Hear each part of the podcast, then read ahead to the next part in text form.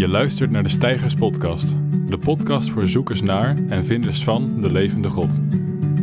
In deze podcast verdiepen we ons in de grote vragen over God, het geloof en het leven. We zijn daarbij meer dan een podcast. We zijn een kerkplek in Bergshoek waar we met elkaar samenkomen.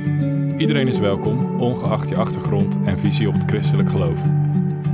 De opname die je straks hoort is een gedeelte van onze tweewekelijkse samenkomst. Wil je meer weten over stijgers? Dan komen we graag met jou in contact. Je kunt onze socials en onze contactgegevens vinden in de beschrijving van deze aflevering.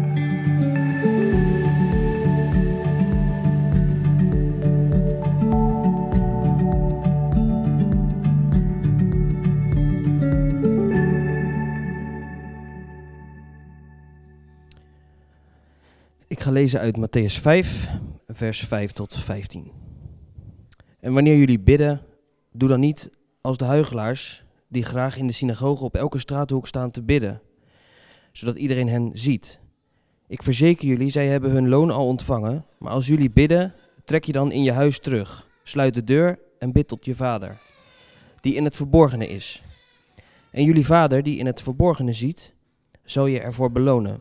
Bij het bidden moeten jullie niet eindeloos voortprevelen zoals de heidenen, die denken dat ze door hun overvloed aan woorden verhoord zullen worden. Doe hen niet na. Jullie vader weet immers wat jullie nodig hebben, nog voor het jullie hem vragen. Bid daarom als volgt. Onze Vader in de hemel, laat uw naam geheiligd worden.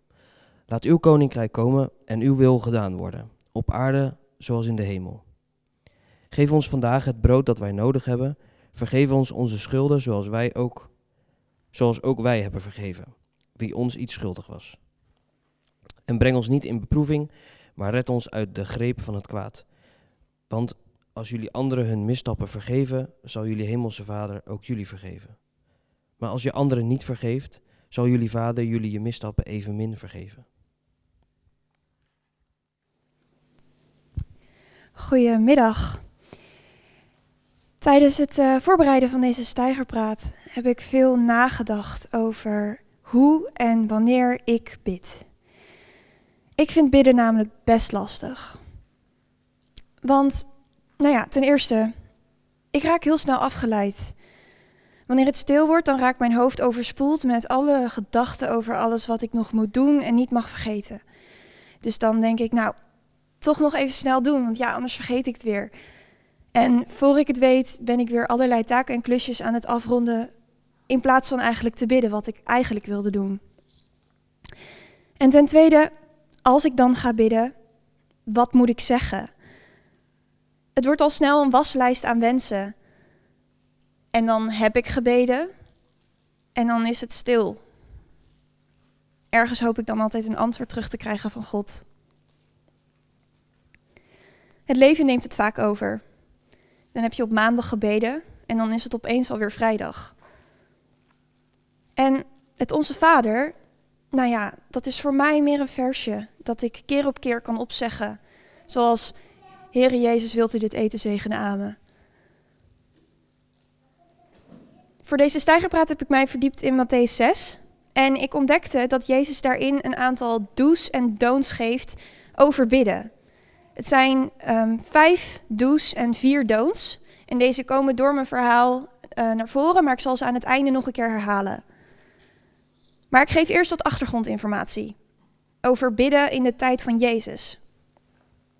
Er waren namelijk vaste gebedstijden: het morgen, middag en avondgebed. En het morgen- en middaggebed, nou ja, dat kon je overal doen waar je op dat moment ook maar was. In huis, op straat, op je werk. Er werd namelijk op bazuinen geblazen. Nou, dat waren een soort trompetten. En iedereen liet dan alles uit zijn handen vallen om te gaan bidden. En Jezus zegt als eerste doont: Wees niet zoals de Fariseeën. Maar wat voor mensen waren die Fariseeën eigenlijk? De Fariseeën, dat was een groep mensen die hun levensdoel ervan gemaakt had de wet te bestuderen en deze na te leven. En ze wilden ook alle andere mensen inspireren om net zo goed te leven zoals zij. Maar dat maakte hun ook heel veroordelend.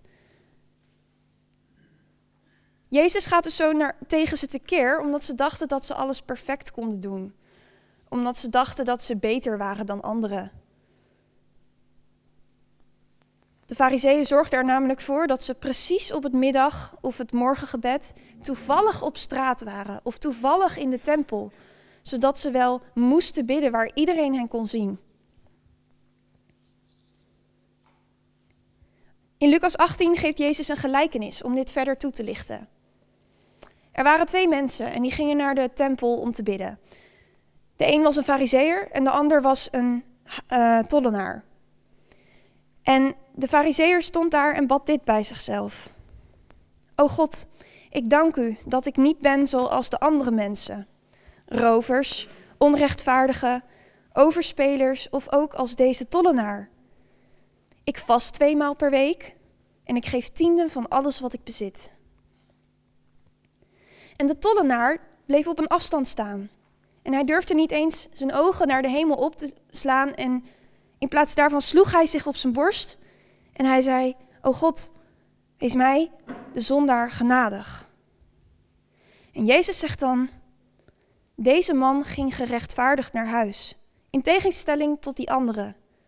Want ieder die zichzelf verhoogt, zal vernederd worden. En wie zichzelf vernedert, zal verhoogd worden. Jezus noemt de fariseeën huigelaars. En het Griekse woord voor huigelaar kan je ook vertalen met um, hypocriet. En de oorspronkelijke vertaling is zoiets als toneelspeler. Iemand die optreedt achter een masker en zich voordoet als iemand anders.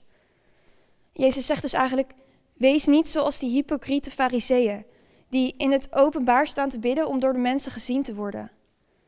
Zij spelen toneel. Zij doen alsof ze beter zijn dan anderen. Want zij hebben hun loon al ontvangen. Zij hebben al gekregen wat ze wilden, namelijk de eer en status van mensen. Maar wat moet je dan wel doen? Dat is de eerste doel. Jezus zegt: Als je bidt, ga dan naar je binnenkamer en sluit de deur. In het oude Israël had elk huis een binnenkamer. En dit was een kleine kamer dat werd gebruikt als voorraadkamer. Deze kon van binnen gesloten worden en in deze kamer werden de meest waardevolle spullen bewaard. Jezus zegt dus eigenlijk: ga naar een afgesloten ruimte waar je alleen kunt zijn. Het gaat er niet om waar je bidt.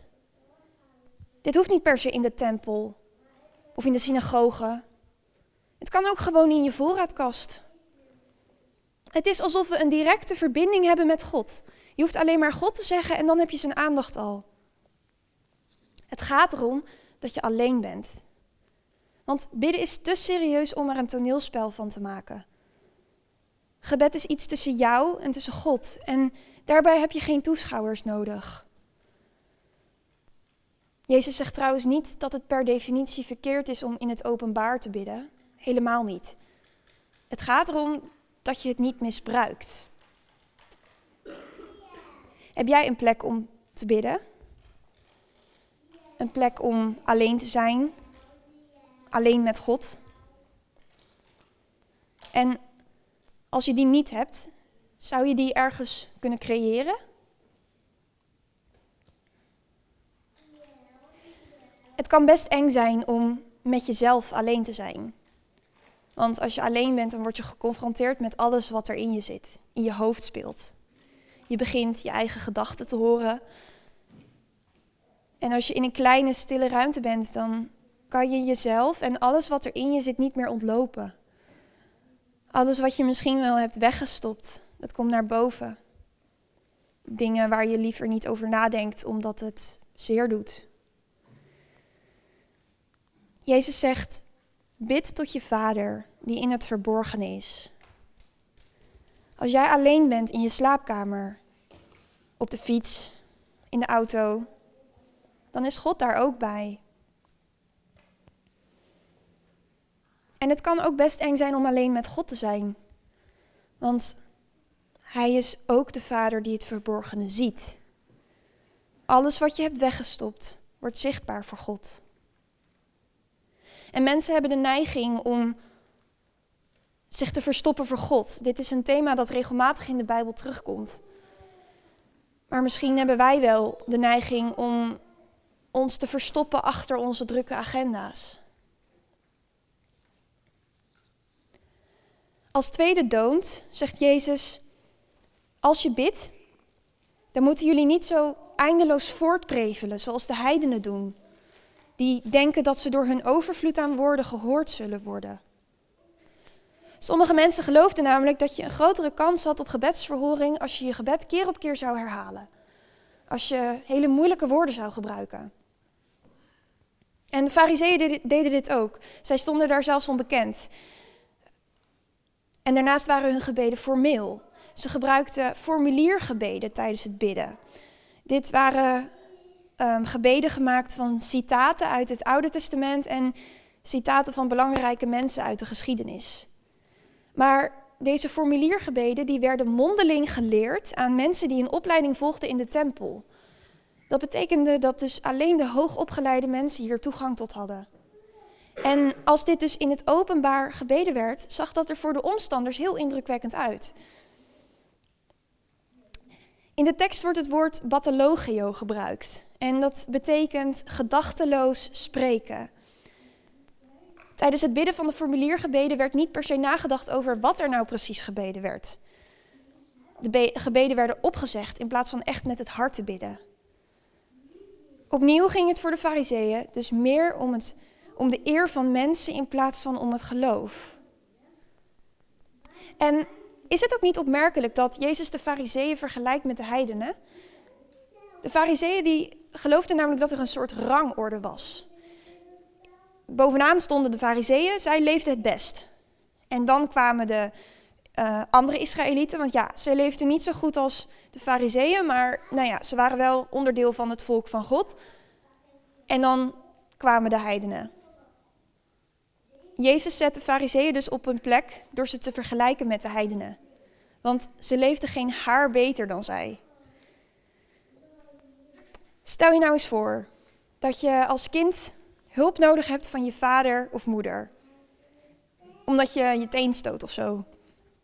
En dan zeg je, in deze hachelijke situatie waarin ik mij momenteel bevind, smeek ik u, mijn geliefde vader, mijn geliefde moeder, om uw hulp en bijstand te verlenen, zodat ik gered kan worden van deze moeilijkheden waarmee ik geconfronteerd word. Zou je dan eerder hulp krijgen dan wanneer je zegt: Papa, mama, help. Jezus zegt: Denk nou niet dat je eerder gehoord wordt. Als je, door, als je hele moeilijke woorden gebruikt. Of keer op keer hetzelfde zegt. Want God wil dat je oprecht bent. Er is geen wedstrijd over wie de mooiste of ingewikkeldste gebeden kan, kan opzeggen. Daar gaat het niet om. Maak er geen show van. En daarnaast, we bidden niet tot God om hem ergens over in te lichten of om zijn aandacht te trekken. Nee, we bidden tot God omdat hij onze vader is. En hij weet al wat we nodig hebben, nog voordat we erom vragen. Maar hij wil dat wij, als zijn kinderen, hem in vertrouwen nemen. En dat we zeggen: Papa, help. En het feit dat God al weet wat we nodig hebben, dat laat zien dat we er geen lang en ingewikkeld verhaal van hoeven maken. Hij weet het al. Een kort gebed is goed genoeg. Als jij bidt, bid je dan met je hart? Of bid je dan omdat het routine is? Als je bijvoorbeeld je uh, dankt voor het eten, dank je God dan omdat je Hem echt wil danken voor het eten? Of omdat het erbij hoort? En als jij het Onze Vader bidt, denk je dan daadwerkelijk na over wat je zegt?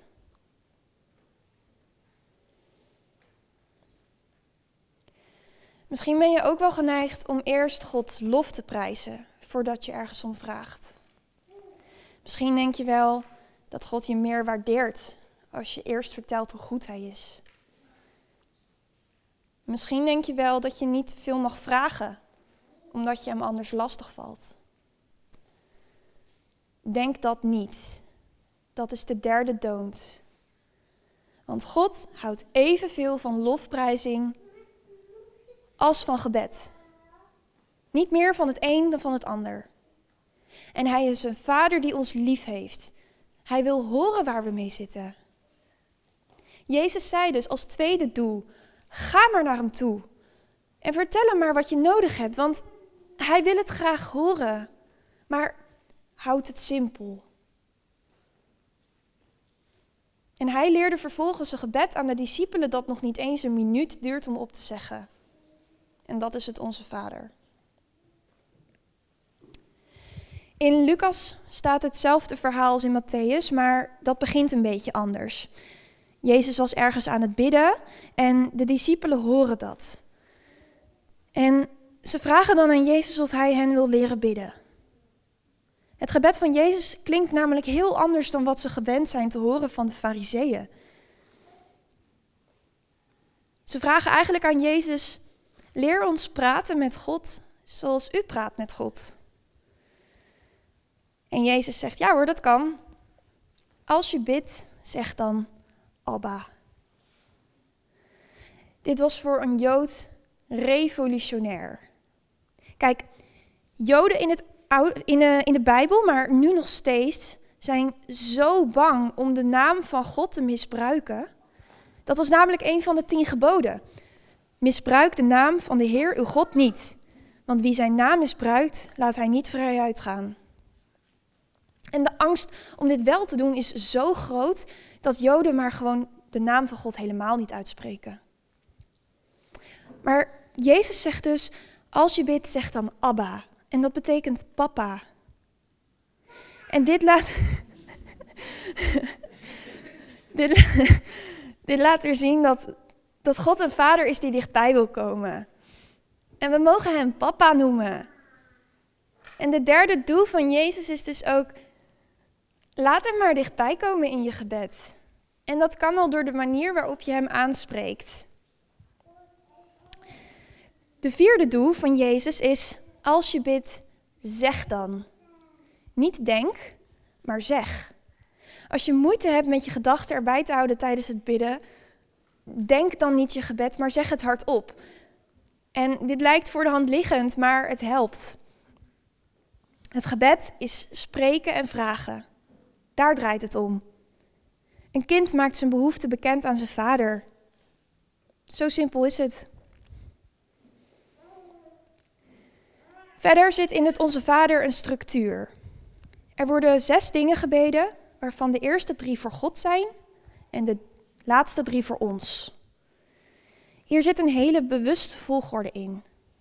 Eerst komt God, daarna komt de mens. Hebben wij niet soms de neiging om eerst voor onszelf te bidden wat we nodig hebben? In het gebed van Jezus is het anders. Eerst komt God en daarna komen wij pas. En is het je ooit opgevallen dat het woordje ik niet voorkomt in het Onze Vader? Er staat niet mijn Vader in de hemel, er staat onze Vader in de hemel. Voor het ik is in dit gebed geen plaats. Of in ieder geval, voor mij is wel plaats, zolang het in overeenstemming is met het uwe en het onze. Alles waar je om bidt moet kloppen met de Vader en met de mensen om ons heen. En zoals we net gehoord hebben, is het belangrijk om intimiteit te hebben in het gebed. Het is iets tussen jou en tussen God. Maar in die intimiteit wordt gebed ook heel snel egoïstisch. En God, Jezus zegt dus: doe dat niet. Denk niet te veel aan jezelf. Maar wat moet je dan wel doen? Dat is de laatste doel. Als je iets nodig hebt, bedenk dan dat er andere mensen zijn die misschien wel dezelfde behoefte hebben als jij. En als je bezig bent om iets voor jezelf te vragen, vraag dat dan ook voor een ander. Want in deze overprikkelende samenleving waar wij in leven, mogen we een voorbeeld nemen aan Jezus, die zelf regelmatig de stilte opzocht om te bidden tot God. We hebben het nodig. Dus kortom,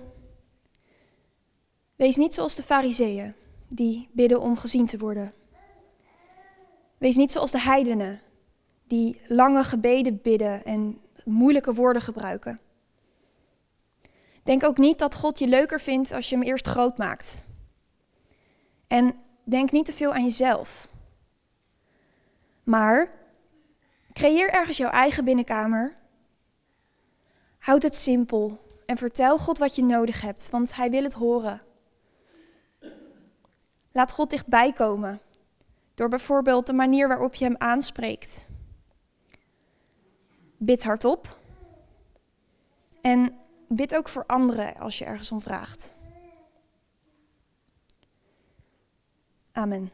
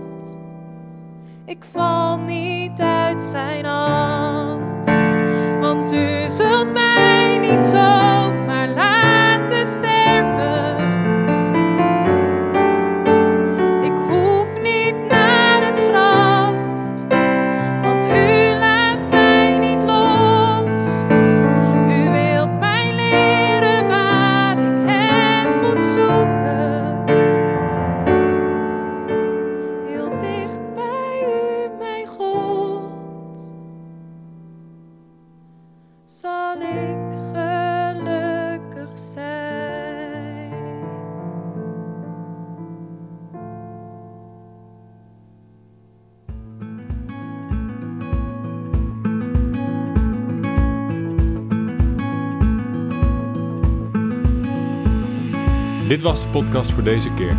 Bedankt voor het luisteren. Vond je de aflevering leuk? Vergeet ons dan niet te volgen op de socials. De link staat in de beschrijving.